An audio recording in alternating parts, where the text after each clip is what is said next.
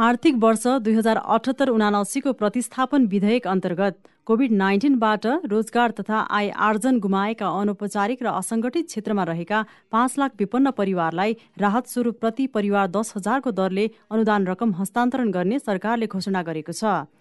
सरकारसँग एकिन तथ्याङ्क नभएको अवस्थामा विपन्न परिवारलाई घरको भान्सा चलाउन सो रकमले केही राहत दिने देखिए पनि मापदण्ड पूरा नगरी रकम वितरण गर्दा दुरुपयोग हुने र राज्यकोषमाथि भार बढेर जाने वरिष्ठ अर्थविद प्राध्यापक डाक्टर चन्द्रमणि अधिकारी बताउनुहुन्छ।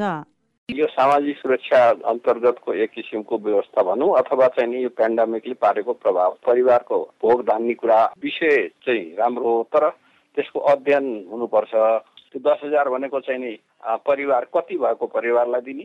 बढी चाहिने हो कि घटी चाहिने हो कि? भन्ने कुराको अध्ययन बिना दिएको चाहिँ के हुन्छ भने त्यो पैसाहरू दुरुपयोग हुन्छ। यसपालि नै सामाजिक सुरक्षा अन्तर्गत चाहिँ नि एक खर्ब उनासी अर्ब बजेट छुट्याइएको छ। भोलि राज्य कोषले धान्न सक्ने नसक्ने कुरा पनि प्रमुख कुरा हो। त्यस कारण त्यसमा पनि विचार पुर्याउनुपर्छ देशको राजस्व आमदानी घटेको अवस्थामा मापदण्ड नबनाई लक्षित वर्गलाई बजेट विनियोजन गर्दा आन्तरिक तथा वैदेशिक ऋणको भार बढ्ने देखिन्छ।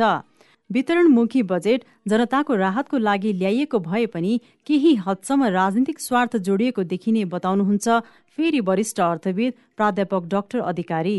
हाम्रा कार्यक्रमहरू धेरै जसो पपुलिस्ट हुन्छन् फियर हुँदैनन्। हामीलाई चाहे बजेट ल्याउनुहोस् चाहे कर प्रणाली लागू गर्नुहोस् चाहे चाहिँ सामाजिक सुरक्षा करार दिनुहोस् त्यो सामाजिक न्यायको दृष्टिकोणले निष्पक्ष हुनु पर्यो न कि त्यो पपुलिस्ट हुने र मान्छेलाई तत्काल भिजाउने र मतदाता बढाउने दृष्टिकोणबाट यस्ता कार्यक्रमहरू ल्याउनु हुँदैन। यद्यपि राजनीति भने त राजनीति जनताको लागि गर्ने हो त्यो उचित अध्ययन नगरिकन आफ्नो अर्थतन्त्रको हैसियत थाहा नपाइकन लक्षित वर्गलाई पहिचान नगरिकन दिएको चाहिँ यो राजनीतिभित्र पनि पोलिट्रिक्स हो यो। कोभिड नाइन्टिनबाट रोजगार गुमाएका पाँच लाख घर परिवारलाई सामाजिक दायित्व अन्तर्गतको रकम सरकारले असोज महिनाभित्र उपलब्ध गराउन कार्यविधि तयार गरिरहेको छ।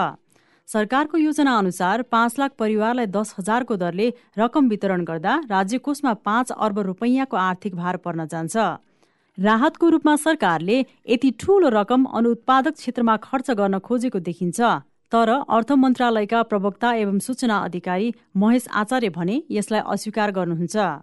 यसको कार्यविधि तय भइरहेछ अनि त्यो कार्यविधिले कस्ता कस्ता मान्छेहरू यो सुविधा अन्तर्गत पर्छन् भन्ने कुरा नि कार्यविधिले स्पष्ट गर्छ। अधिकतममा पाँच लाख परिवार अहिलेको पहिलो चरणमा चाहिँ अब सरकारले यो खास गरिकन चाहिँ अब गरिब घर परिवारलाई लक्ष्य गरेर दिने भने हो। अनुत्पादक भनेर के आधारमा भन्ने देशका केही जनसङ्ख्या केही व्यक्तिहरू चाहिँ कोभिडको कारणले मारमा परेर खान पाएको छैन। उहाँहरूलाई ठुलो पीडा परिरहेको छ भने त्यो अनुपादक हुँदैन।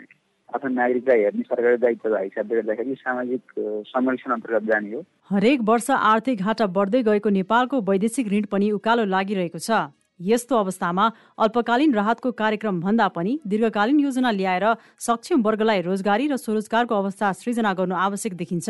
जसले देशको आर्थिक वृद्धि दरमा टेवा पुगोस्। मुलुकको ढुकुटी धान्न नसक्ने आर्थिक भार थप्नु पक्कै पनि समृद्धिको सही संकेत होइन। जनतालाई राहत तथा विभिन्न वाहनामा राज्य कोषमाथि भइरहेको चरम दोहनको संस्कार कहिले रोकिएला? रेडियो क्यान्डिडका लागि विद्या तामाङ